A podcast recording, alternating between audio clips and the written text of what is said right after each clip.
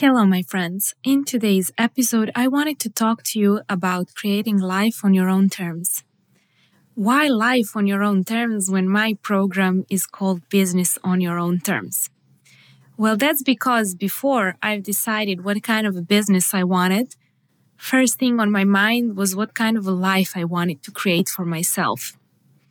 Being a woman in a man's world where I used to work only with guys for years in world of technology and startups, I kind of realized that that kind of business setup is not something that my soul craves for. I could do business from male's principle, but then I would end up stressed and burned out. And I realized that that's not sustainable if I want to have a family and children one day. That made me very sad for quite a few years because in my close surrounding, I did not have any women that had family and business, which is something I wanted to have. So I've started looking online. I've started finding the examples of what is possible on the internet. I found podcasts, I found women in business, in Forbes, and in many other magazines that I like to read. And I tried to find myself more proof for what I wanted to believe in and started looking for examples to prove my point. Even though I had a belief that it's not possible, I've started to stretch my imagination and to realize that maybe if it's possible for them, it could be someday possible for me as well. Years later, in 2016, when I started my offline workshop, turn your hobby into a business, I've started working only with women. This was my decision. After having spent years in men's world, I've decided to surround myself by ladies who are moms and who want to have a successful business. Of course, I have a lot of ladies who are single, who are not moms, and who don't want to be moms. But to be honest with you guys, 80% of my audience is female and 80% of my women on my online program are moms. Why did I decide to address this audience and to create my business for women in Serbian? Because I've decided that who I surround myself with is very important if I want to make new beliefs about what is possible for a woman. And since then, I've seen proof that it's possible for a lady from Serbia, Croatia, Bosnia, Macedonia, Slovenia, or Montenegro to have a successful business and to be a mom of five. I've also seen single moms of two, ladies who have lost their husbands, and ladies who have been through the worst thing you can imagine and who are still here and who are still living to fulfill their purpose, both as mothers and as business owners. And this gave me a lot of inspiration. And my women are actually my reason why I do my business because I believe in them. And when I work with them, they stretch my mind as well. And I stretch their mind in different way because we all know different things and we can all learn from each other. And why am I sharing this? Because I believe that for women, even more than for men, they need to create life on their own terms. And when they are deciding which kind of business they want to have. And before they even decide to start a business, they should be thinking, who do they want to be? What kind of a lifestyle do they want? Where do they want to work from? Do they want to work from home? And will they have help? If they're single moms, they will have to hire someone. If they don't have a close family member or a friend, they could take care of their children.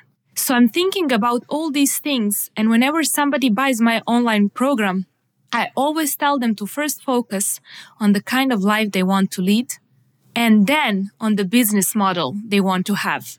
Because we are human beings first and human doings second. We are not here to work and produce money.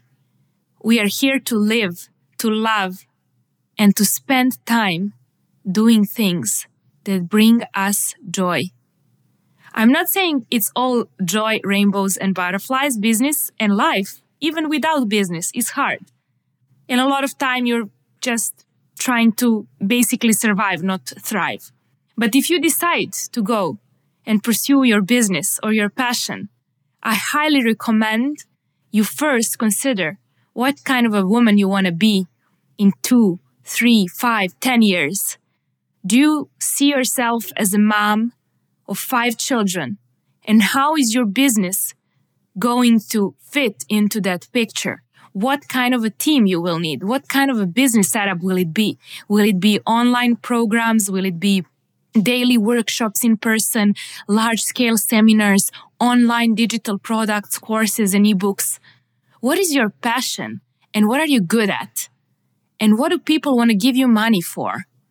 And then add what kind of a lifestyle you want. Do you see yourself traveling the world with your kids or alone or staying at home? What is your dream? Never sacrifice your dream and what sets your heart on fire for money. It will never be worth it because being abundant and rich has nothing to do with money. It has to do with how you feel in your heart. Are you feeling expanded or you're feeling contracted and playing small? And why do I say this? Because it's funny. And I remembered I'm about to move to New York for three months with my husband. And 10 years ago, New York was city of my dreams and something that I really, really wanted to live and just build my life there. But what happened is that I couldn't stay there. After one year on my scholarship, I had to go back to my country for two years. And I had been struggling with that for a long time. And why am I saying this? Because when I remember New York and my life there, living on a scholarship on $300 per month, I felt richest I've been in my life.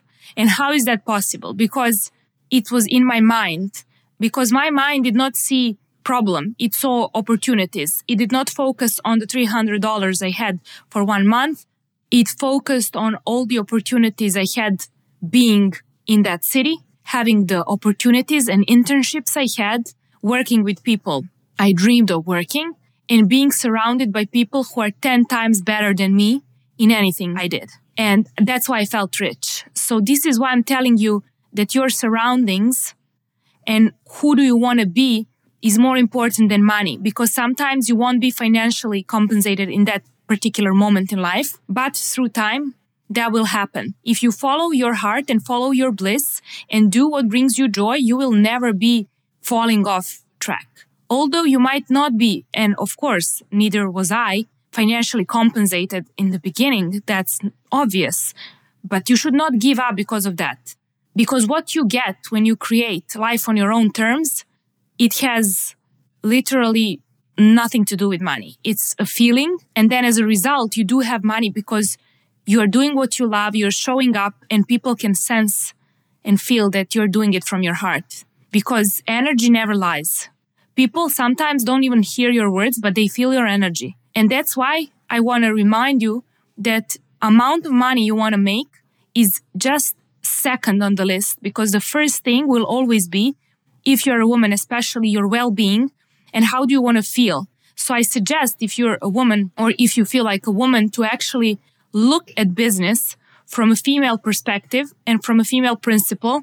Because if you try to act like a guy and if you try to lead a business from a male principle, you will just end up burned out. You should never try to do it like someone else. You should always try to do it in your way. And that's why my online program is called business on your own terms, because I do not believe in one formula that fits all. I do not believe I have a recipe for your perfect pie. I believe I can tell you some ingredients for my perfect pie, experiences of other women. I can stand by you while you bake your pie and make your recipe. And I can be there for you and hold your space for you when you fail in your recipe when the pie burns but I don't believe that I have your recipe and no one does in the world because you are unique and only you can actually come up with your unique recipe, no matter if it's a business on your own terms or a pie that you would love.